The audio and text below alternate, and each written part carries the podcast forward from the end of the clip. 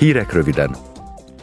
Az Európai Parlament ma, a Sajtószabadság világnapján immár harmadik alkalommal hirdeti meg a Daphne Caruana Galizia újságírói díjpályázatát.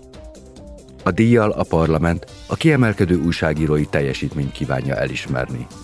Évente ítéli oda azoknak az újságíróknak, akik munkájukon keresztül az európai alapértékeket és alapelveket, így például az emberi méltóságot, a szabadságot, a demokráciát, az egyenlőséget, a jogállamiságot vagy az emberi jogokat védik és támogatják.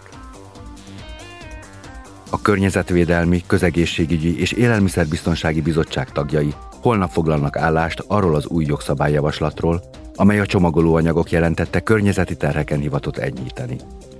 A javaslat egyebek mellett az egyszer használatos műanyag palackok mennyiségének 65%-os, a főként üdítőitalokhoz használt PET csomagolás mennyiségének pedig 50%-os kötelező csökkentését irányozza elő 2040-től.